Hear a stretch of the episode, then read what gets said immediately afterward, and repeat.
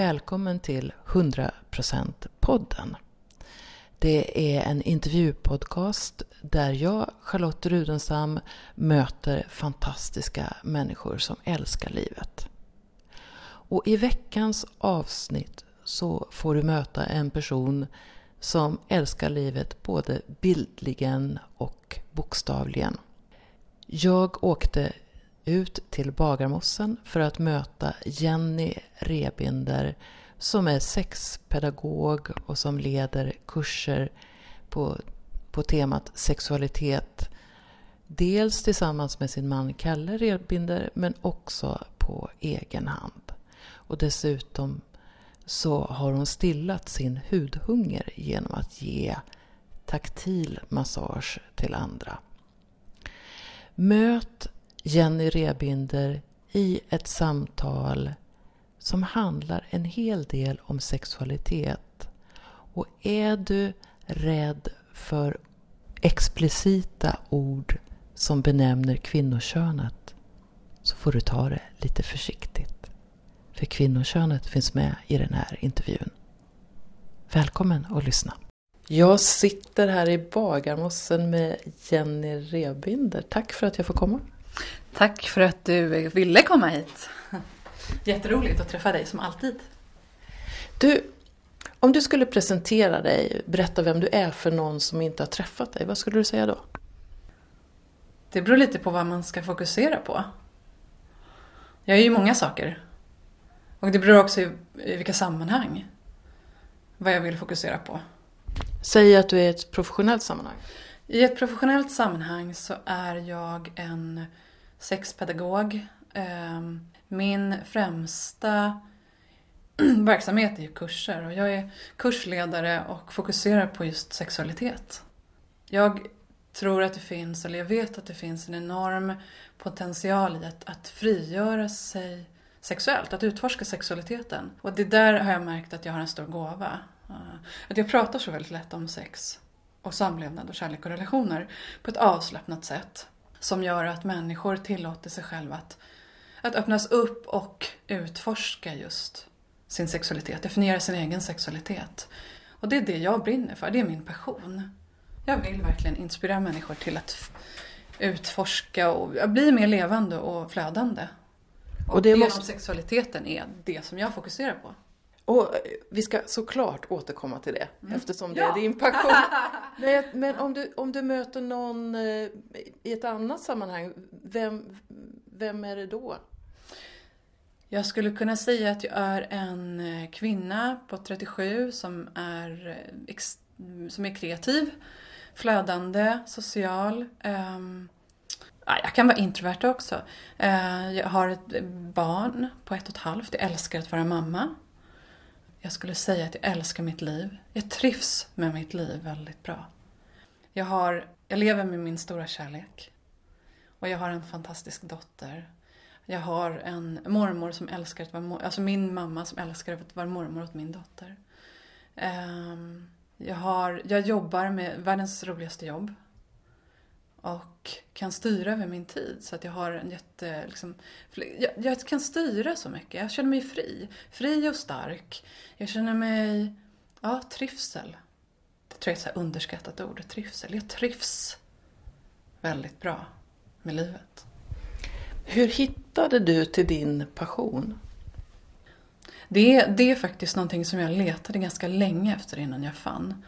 Jag vet att jag sedan jag var 15 år ville vakna upp och känna att jag brann för någonting. Jag ville känna passion. Och jag trodde att jag bara skulle vakna upp och förstå vad mitt kall var. Du vet, 15 år. Och, ja. Jag brukar också säga att jag började mitt medvetna liv när jag var 14. För det var då jag började läsa Louise L. Hay, Hela dig själv. Och hon börjar sin bok, jag tror att hon börjar sin bok, det är vad jag minns, med att du är till 100% ansvarig för ditt liv. Och det satte myror i mitt huvud, ska du veta. På vilket sätt är jag ansvarig för mitt liv? Kan jag styra mitt liv? Kan jag påverka hur mitt liv ska bli? Och det var... Så hon sådde ett frö där? Gud ja! Det var, en, en, det var mamma som, som hade den. Det var en väl läst bok som jag, som hon gav vidare till mig. Den är liksom, ja det är startpunkten på mitt medvetna liv. Det är där min personliga utveckling började medvetet och jag började mm, läsa om affirmationer, jag började, du vet det här, det du ger, det får du tillbaka, det fanns väldigt tidigt. Jag började ge komplimanger och jag fick komplimanger, massor med komplimanger tillbaka och andra människor. Så just det att jag, och började utforska intuitionen, okej. Okay. Om jag tar det valet, hur känns det om jag går till magkänslan här och tar det beslutet? Så att det började där. Och jag ville också känna att, att det här är vad jag vill ge. För det har funnits med väldigt tydligt, att jag vill ge någonting. Jag vill känna att det här är... Jag vill känna mening och syfte med mitt liv. Det tror jag att alla vill, egentligen. Men det var först när jag var 26 som jag hade precis fått ett jobb som fotassistent. Och samtidigt har vi börjat planera vår första parkurs, jag och Kalle. Jag började på fotoassistentjobbet i april. Och i juli hade vi vår första parkurs. Det var då jag kände att nu är jag på rätt väg. Nu är jag på rätt plats i livet. Så det tog alltså 11 år, kan man säga. Från att min önskan liksom tog, där jag kände att nu, nu jag börjar känna mitt kall. Som jag använde det ordet. Var det en gradvis väg dit eller var det, fanns det händelser som, som ledde dig i den här riktningen? Nej, jag tror att det blev medvetet just där. Att det var just min... min dels var det ju kreativiteten som så öppnas vid fotografin. Att det är väldigt viktigt för mig, kreativitet.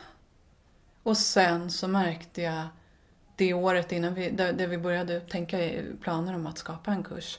Jag jobbade hos Ylva Fransén i hennes Afrodites apotek, eh, apotekbutik. Där jag pratade om sex eh, för de som kom och ville köpa någon sexleksak eller något annat sexigt. Där jag märkte att oj, min gåva är ju verkligen att prata om sex och samlevnad. Och det var så himla roligt. Och min glädje av att, att se dem lämna butiken med stora härliga leenden och bara så nästan extatiska, oavsett om de hade köpt någonting eller inte. Att se dem lämna butiken med liksom lätta, de nästan flög fram. Där kände jag att wow, det här, det här är ju det här är vad jag vill göra. Så du har inte så mycket skam i kroppen? Uh, inte vad gäller sexualitet, nej. Det stämmer. Jag tror att vi är så himla bra på att, att gömma undan. Jag är bra på att gömma undan skam. Så att, eh, och det tror jag är någonting vi har med oss. Att det är så känsligt. Så att vi gör saker eh, vi verkar, försöker verka normala så att vi slipper känna skammen. Så definitivt kan jag känna den, om jag tillåter mig. Men du är ovanlig på det sättet att du kan tala fritt och verka fritt kring sexualitet. Vad, vad tror du själv att, det, att den förmågan kommer ifrån? Det är en jättebra fråga. Och jag har faktiskt inget solklart svar på det. Jag har mina idéer i att, att eh, det kanske har med mina föräldrar. Min, min bild av dem är att de själva är väldigt avslappnade kring sin, sina kroppar och sexualitet. Men jag har ju aldrig pratat sex med dem. Så det är bara min bild av dem, att de har varit avslappnade i det. Eh, och sen har jag onanerat hela mitt liv. Jag har fått med mig en... Eh, uppenbarligen så har jag inte fått någon skam projicerad där. Jag minns att jag klistrade fast plastleksaker mot könsläpparna redan som treåring. Alltså jag minns att jag tyckte det var skönt. Så det är väl min första onanisession, vad jag, vad, vad jag minns som treåring. Och, och så jag har alltid eh, haft, eh, minns, det har alltid varit tydligt för mig att jag har haft en egen sexualitet. Så när jag bjöd in att, att, med, att ha sex med andra så var det väldigt medvetet. Att nu är det liksom med en annan människas sexualitet, möte i det. Kan man säga att din sexuella utveckling också är en del av din medvetandeutveckling som du började som 14-åring? Idag tror jag det, ja. Men det var jag inte medveten om då. Jag har förstått vilken, vilken enorm gåva det är jag har. För det är någonstans, jag är tacksam för den gåvan att jag har haft människor Eh, omkring mig, mina föräldrar, som inte har producerat skam kring det. Jag vet ju inte ens om de har sett att jag har en, fri, liksom en sund sexualitet. Att en gåva i att, att vara fri i min sexualitet och jag kan idag använda den för, att, för min personliga och andliga utveckling. Jag brukar ju säga att jag processar livet genom fittan. Just för att jag eh, ser att, att jag kan komma, låta mig själv komma fram. Eh, jag kommer närmare mina tankar och känslor, mitt inre, min inre kärna när jag har sex.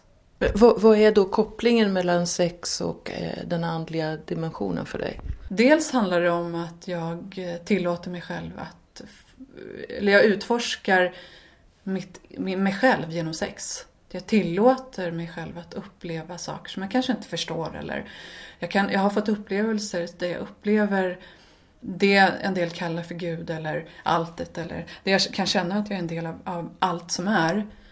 Men också det, allt det som inte är. Jag har, sett, jag har känt både intet och alltet. Det är nog det bästa uttryck jag kan hitta. Men det handlar också om att tillåta att det andliga och det ceremoniella får, får vara en del av sexlivet. Att det får vara en ingång till att bejaka sex. Man kan ju skapa en sexuell ceremoni så att det andliga redan finns med från början. Eh, att jag ser min partner som gud eller gudinna och vi ser varandra som gudar och gudinnor. Och möts med en vördnad i den akt som vi har. Och vi kan också älska med ett syfte. Då... Sexmagi lite? Ja, ja det, det, låter lite flummigt med ordet sexmagi så jag använder inte det. För mig är det... Eh, men visst, det, det är, ett, det är ett, ett ord man kan använda. Det handlar mer om vilken, vilken känsla jag vill öppna upp för i mig själv. Eller liksom att, att se att det finns alltid mer att utforska i sig själv och andra. Vad, vad du vill säga ja till? Det kan också vara att släppa fritt det jag inte vill ha. Alltså frigöra saker. Frigöra skam, skuld, rädsla, ångest som jag inte gärna vill bära på. Likväl som att säga ja till mer flöde, expansion, kärlek, balans, harmoni, frihet. Och, och, och det här som du har upptäckt hos dig själv, det är också sådana element som ni för in i era parkurser? Ja, det är det. Även om vi inte pratar överdrivet mycket om andlighet så tar vi in den aspekten. Det är väldigt viktigt för oss att ta in hela människan. Att, att ta in att sexlivet blir som mest intressant när man också omfamnar sig själv, sitt inre jag. Det, det är där, så jag tror vi upplever att just där att för många så är sexlivet en separat del. Det är som att det är en liten tårtbit av livet. Medan för mig försöker jag inspirera människor att inkorporera sexlivet så att det blir en naturlig del av sig själv. Och se att sexlivet, eller sexualiteten, är en, det är en rörelse, det är någonting man kan vara i som jag kan ha med mig, inte bara i sängen eller där jag har sex och med min sexuella partner, utan det är en energi som gör att jag kan känna mig mer levande, flödande, kreativ, mer vital, mer närvarande och, och som jag kan ha med i möten med alla. Jag brukar säga att, att livsenergi och sexuell energi egentligen är samma sak. Jag med, jag med. Ja, jag håller med fullständigt. Och ibland så i den sexuella energin så känner man inte kåthet, man kan känna något annat. Men att det, och, och det är ingen motsättning att vara kåt och ha ångest samtidigt. Just det att, att se att jag kan bli mer hel om jag tillåter alla känslor att finnas till. Det är där jag kan hitta extasen och de andliga upplevelserna. Eller ja, extatiskt, alltså att, att vara i extas är andligt för mig. Hur skulle du definiera vad sex är? Jag definierar sex precis som en inre rörelse. En energi som jag kan tillåta finnas med en, en eh, livsrörelse, en livsenergi. Som antingen sover eller är i rörelse. Och jag tror att det är friskast att ha den i rörelse. Och att, så att jag, vill, jag vill minska fokuset på att det är någonting man gör till att det är någonting man är i. Och jag upplever när jag pratar om det här att människor verkligen kan relatera till det. Att det, är, att det, det är inget konstigt för människor att tänka i de termerna. Att det är en eh, det är någonting jag, att jag kan stödja den här rörelsen med hur jag tänker, känner, hur jag rör mig. Vad jag ägnar mitt fokus, eller vad jag liksom fokuserar på. Kan, kan du se när du möter människor om de, har, om de är i kontakt med den här livsenergin eller sexuella energin? Ibland. Uh, och särskilt om man kanske umgås lite, pratar lite. Då kanske man kan känna om en person är hämmad eller fri. Men hur nära en person är sin sexualitet tycker jag är svårt att avgöra på en gång. En del är transparenta människor och en del är, är vad ska man säga, mer svårläsbara. Så att jag tror att det handlar dels om det. Är jag transparent som människa? Syns det i mitt ansikte hur jag mår?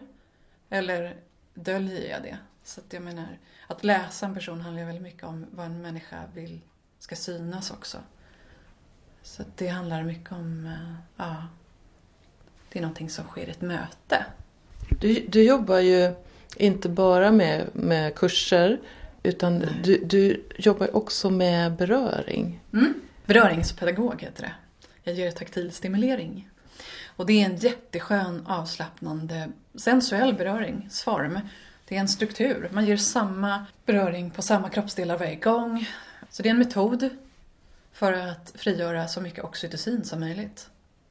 Och den är uppbyggd för att man ska, den ska sätta igång just den, den parasympatiska systemet och den skapar lugn och ro men den är också smärtlindrande och bra för matsmältning och sömn och den öppnar upp för lust och, eh, och så vidare. Så den är, den, är bra på, den är bra för alla och på väldigt många sätt. Och jag tänker, vi lever ju i ett samhälle med... den optimala metoden för välmående. ja.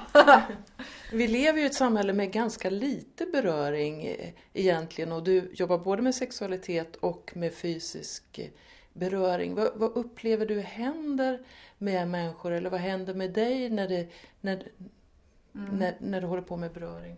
Det är viktigt för mig därför att jag får inte hudhunger längre.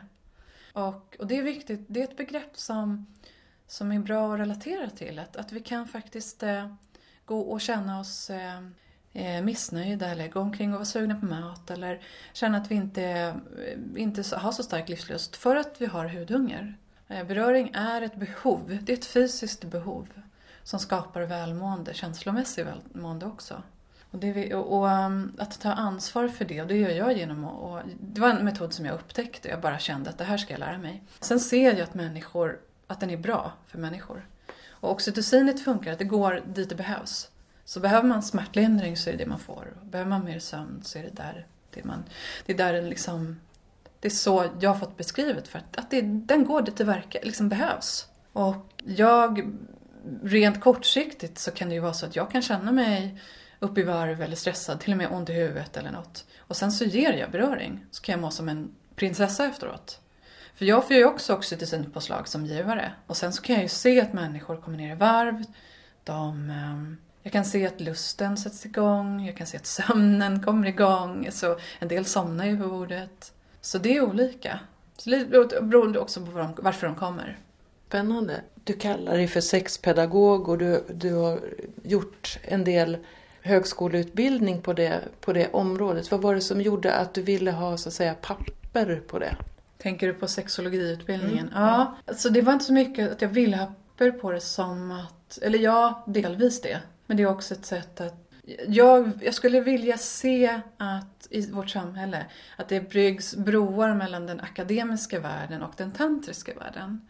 Det finns ju människor, mina lärare till exempel, en del visste vad tantra var och, och, kände till den verksamhet som sker och som har öppnats upp. Och det finns så många mer lärare inom tantra och sexualitet än för tio år sedan. Och, eh, så att min, min, in, mitt incitament var att dels komma in i den akademiska världen eh, och lära mig mer. Alltså jag älskar ju att läsa. Och jag eh, har pluggat förut helt andra saker. och, eh, så det, det, finns, det fanns flera delar jag ville nå. Hur blev du mött då? För jag gissar att... Med stort intresse. Folk är så nyfikna. Och i och med att jag har jobbat och hade jobbat i redan tio år då när jag började plugga så, så hade jag mycket på fötterna och kunde redan liksom berätta att, att, vilken kraft det fanns i sexualiteten. Men jobba med just det psykologiska, attityd och, och beteende. För många, jag pratade med både lärare och elever, så fanns det en förståelse och en nyfikenhet. Har du en lust att vara som ett språkrör eller vad man ska säga för att tala om de här frågorna, alltså lyfta upp det på en samhällsnivå? Ja, alltså, ja det är definitivt. Det här är ju det politiskt arbete. Jag vill se ett samhälle som är mer sexuellt frigjort eller sexuellt, som har en sexuellt uppmuntrande karaktär. Vad skulle hända om människor känner sig sexuellt fria? Jo, det skulle vara lättare att utforska sexuella uttryck. Människor skulle veta vad de tycker om och inte tycker om. De skulle ha lätt för att be om det och säga att det här är vad jag önskar mig, det här önskar jag mig inte. Idag så möter jag människor, coachar människor som inte ens vet vad de tycker om. De har inte tagit reda på det. De har kanske låtit tidigare partner definiera sin egen sexualitet. Jag möter kvinnor som inte känner någonting. Och då får man börja från liksom början med närvaro. och Bara se att okej, okay, hur känns det att vara kåt? Så just, att vi, just det här bagaget vi har med oss, det negativa, sexnegativa bagaget, eh, gör, eh, skapar tyvärr väldigt mycket smärta också inom relationer. Det, som skapar smärta där, som inte har med sex att göra. Det är svårt att prata om känslor. Och, och naturligtvis handlar det om att inte vilja bli känna att man är konstig, man vill inte bli ratad. Det finns väldigt många olika anledningar till att, inte, att man inte vågar prata om saker som, som är svåra. Men det, det jag känner att jag vill, det är att prata om sex så att människor fattar att det kan vara enkelt. Alltså att öppna upp för att det här är ett, det, är, det kan vara så här enkelt och du är inte konstig som vill ha sex. Du är, du är ett djur liksom. Vi är djur och gudar. Det är det som är liksom det unika för oss människor. Vi är både djur och gudar. Vi har förmågan att skapa och välja. Och, och det som är det tråkigt i det hela, det är att vi kan välja eh, strukturer, tankesätt som är negativa för vår biologiska natur. Som hämmar vår biologiska natur. Och det gör oss inte lyckliga. Så jag tror att komma närmre djuret inom oss gör att vi kan bli mer sexuellt fria och tillåta oss att, att känna eh, den glädje som det innebär att vara människa eller djur. Bejaka lusten. Det är härligt när du pratar om det här för att det blir mer energi i hela din kropp. Så här, här finns ett starkt engagemang. Ja, ja, ja, ja. Det, ja men det här är viktigt för mig. Det här är jätteviktigt. Och eh, jag önskar att jag kunde få alla att förstå vilken gåva det är. Att utforska förstå glädjen i att fokusera på njutning. Jag brukar säga att njutning är personlig utveckling. Du behöver inte leta efter skammen och skulden. Den kommer du att möta om du bara tillåter den. Då kan du ta itu med ditt bagage, pö om pö, i den takt du orkar och har mod till. Men att våga gå på längtan och våga bestämma sig för att, att, att nyfikenheten alltid ska vara större än rädslan. Så du går framåt. Nyfikenheten måste vara större än rädslan. Så hanter, hur hanterar du när du själv blir rädd? Jag eh, andas. Att tillåta sig att andas och vara närvarande med den. Att försöka förstora känslan. Att om, för en metafor som funkar för mig är att när jag försöker hålla tillbaka en känsla så är det som att hålla en, en luftboll under vattenytan. Det kräver till slut väldigt mycket energi. Så att istället släppa taget om den, låta den ligga på ytan och jag kan se den och hålla den. Jag kan hålla den under händerna. Och, och, när jag förstorar en känsla så kan den också i det försvinna eller transformeras till något annat. Jag, jag hörde en annan lärare säga igång att när man tillåter en känsla att komma till hjärtat, då transformeras den. Och det finns något vackert i det, att, att man också med sin kärlek, förmåga att känna kärlek för sig själv och andra, så kan jag också tillåta den här rädslan att finnas. Att, att se på sin rädsla med kärlek, ödmjukhet medkänsla för sig själv. Att vara snäll mot sig själv i det. Det är nog det redskap jag använder för mig själv. Samtidigt som jag gärna använder sex och om det är svårt att frigöra känslan, att använda sex. Ehm, men också springa. Jag älskar att springa. Om jag är jättearg, då går jag allra helst ut och springer. Just det att rörelsen. Vi använder ju känslor som man inte bejakar stannar ju i kroppen. Och att, att använda sin kropp i rörelse, om det så är sex eller träning eller dans, eller, det är väldigt nyttigt. Att använda känslorna som bränsle, för då används de, då, då, där får vi loss dem. Och då får man ju också lite fart på, på själva Lusten. paketet och lusten. Ja, hela kroppen. Ja, precis. Då kan nästa känsla få komma fram som ligger under ytan där. Jag har rädslan, för vad då? Liksom. Så kommer nästa känsla som man får bejaka. Vad är, vad är kärlek för dig? Ja, men det är, man kan prata om kärlek från så många olika perspektiv. Det är ju, jag kan säga att jag älskar choklad och jag älskar Kalle, min man. Och alla vet skillnaden. så just att, att älska kärlek, det är någonting stort och det är smått. Det kan vara att man tillgodoser sina egna och andras behov. Jag ser vad du behöver. Det ger dig kärlek på det sätt som du känner dig älskad. Men det är också en energi jag kan öppna mig för ett tillstånd som jag kan vara i. Att det, att det är mer än, än, än en känsla. Det är ett, ett um, Ja, det är en, ett öppnande och det är ett tillåtande och det, det är egentligen det högsta av alla tillstånd för mig. Är det en självklar koppling mellan sex och kärlek? Nej, men jag tycker, jag vill ha en självklar koppling mellan dem. Jag tror att där har tantran som verktyg ett fantastisk möjlighet att hjälpa människor att sammanlänka den sexuella energin med kärleken. Eller medvetna göra, att man kan göra det. Så att man, när man öppnar hjärtat får man också flöde på den sexuella energin. När jag blir upphetsad och kåt så öppnar jag också hjärtat. Jag tror att, att, att älska med ett, ett öppet hjärta är, är frigörande för både en själv och den man möter.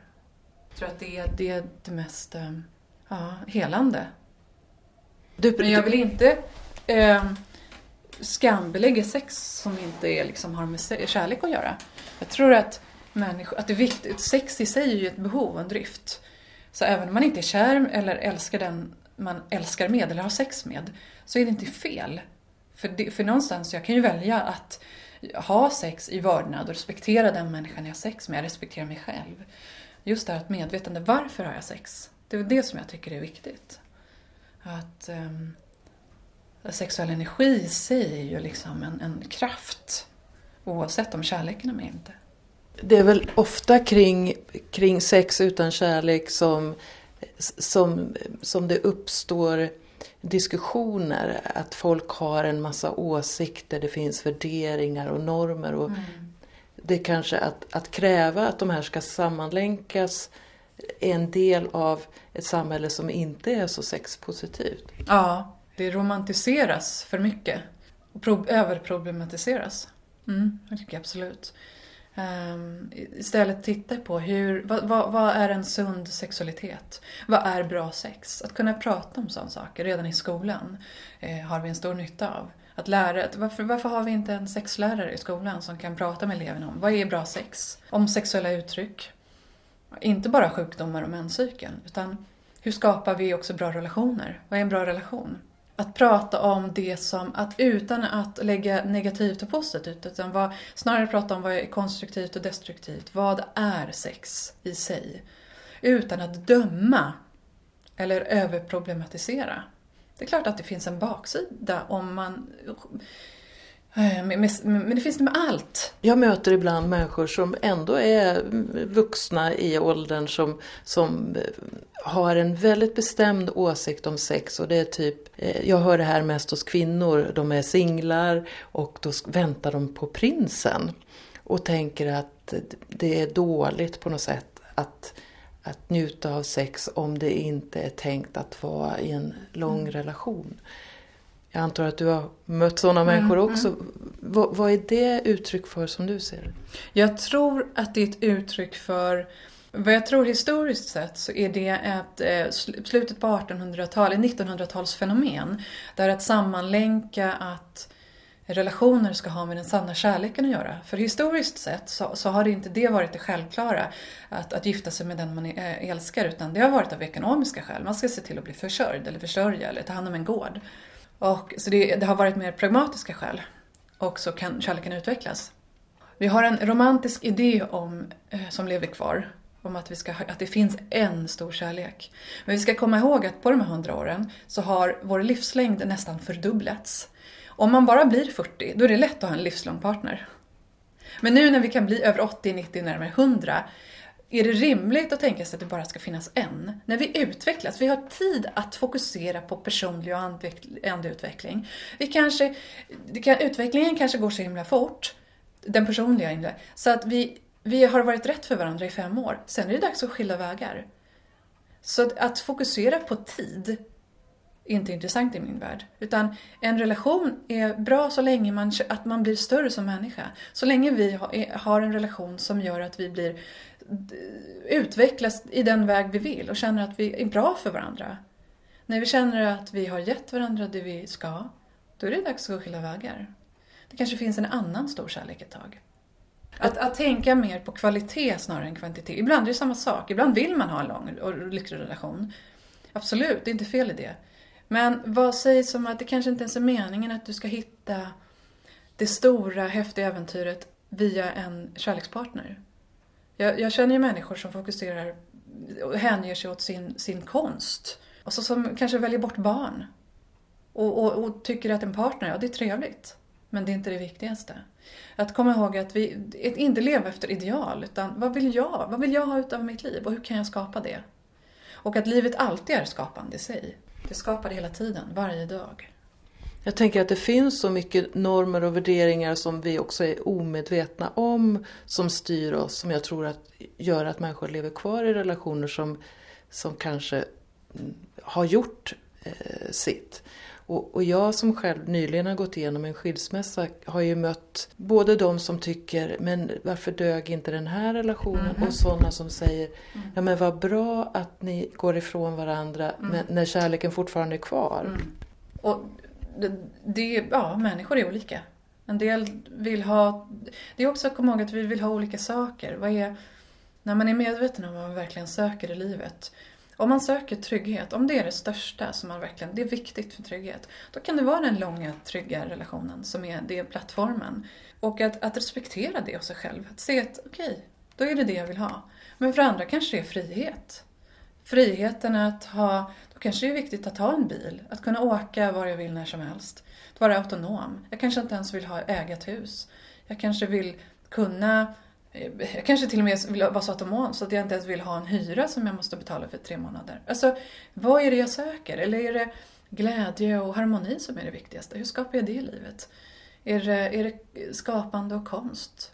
Så kanske det är så att jag blir en, eh, jag sysslar med hantverk eller konst på något sätt. Vad är viktigast för mig? Och vad, när jag skapar andra saker i mitt liv, vad, är, vad får det aldrig vara på bekostnad av?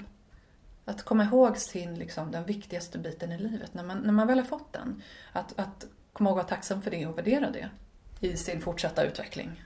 Det här låter ju som någonting som är bra för alla. Ja. Att ref reflektera över. Vilka val gör jag och, och på vilka grunder så. Mm. Jag skulle bara vilja återknyta det till Louise Hayes. Ja. Eh, när du då var 14 år Eh, och, och, du såg där att du har ansvar för ditt liv. Ser du det också som att du har en uppgift eh, i livet?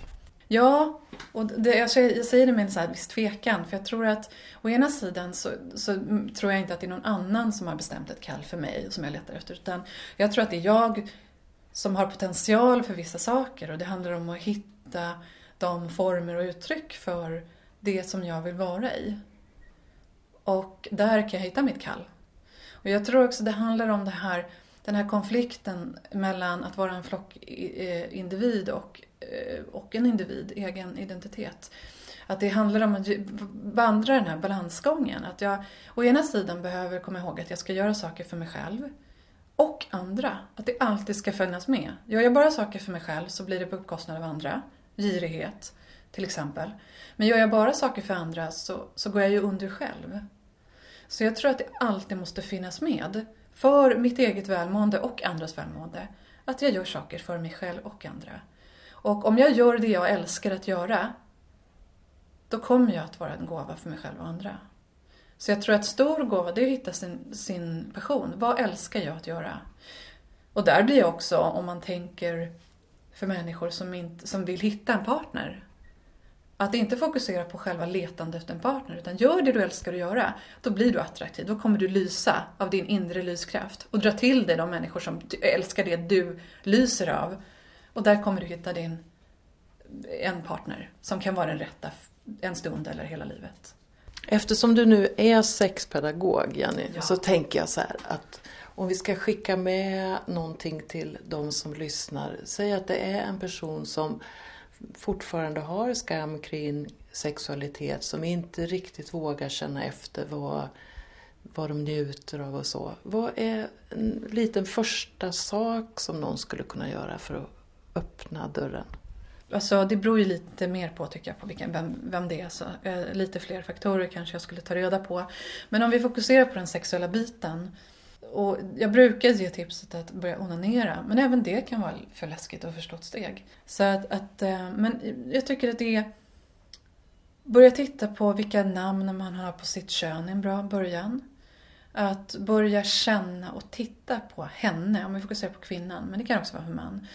Att um, utforska könet på olika sätt och vis. Det kan handla om att titta henne, jag pratar gärna om, om könet till en kvinna, om henne. För då blir det att man också utforskar relationen till ett kön. Det blir väldigt tydligt om man ser det som en egen persona eller identitet. Ehm, man kan titta på vilka namn man använder och varför. Vågar man använda ord som fitta eller vagina? Eller säger man bara där nere? Alltså, och varför det? Titta på vilken laddning som finns i kroppen och titta också på hur, hur tänker jag och känner jag inför min kropp. Vilka ord använder jag? Har jag lätt för att ge mig själv komplimanger? Ser jag att min kropp är vacker? Tycker jag om min kropp? Tycker jag om att vara i min kropp? Kan jag hitta närvaron i könet inifrån? Blunda och bara försöka fokusera på min fitta, hitta de olika musklerna runt anus, slidöppning. Att hitta närvaron är också en superbra början. Men att fokusera på där som vi många upplever att där börjar, där väcks sexualiteten, sexualenergin. Det är där vi kan, eh, med den närvaron in i könet så kan vi påverka den sexuella energin väldigt mycket. Ja, det är en bra början. Och jag tänker så här att, att eh, världen behöver, alltså ungefär en miljard kvinnor, en tredjedel av alla kvinnor utsätts för olika former av våld och många eh, utsätts för sexuellt våld och det mm. nedsätter kvinnors kreativa förmåga. Mm. Och då tänker jag att en sån här övning, oavsett vad det är som håller mm. en tillbaks, kan vara ett sätt att långsamt vinna tillbaks sig själv. Ja, verkligen. Och jag tror att en av de viktigaste saker man kan göra för sin egen sexualitet, det är att se till att, att man känner att jag äger min kropp, jag äger min sexualitet. Ingen har rätt att beröra mig, göra någonting med min kropp utan tillåtelse, utan samtycke. Och eh, att, att känna det, och det, handlar ju, det är fysisk och känslomässig integritet. Och det är jätteviktigt att, att eh, odla en integritet. Att känna det. Och, och, och, komma ihåg att det kan sätta igång jättemycket känslor i det. Att det inte är självklart att njutningen kommer på en gång utan att man kanske först kommer i kontakt med sin smärta där. Och att det är en del i den sexuella utvecklingen.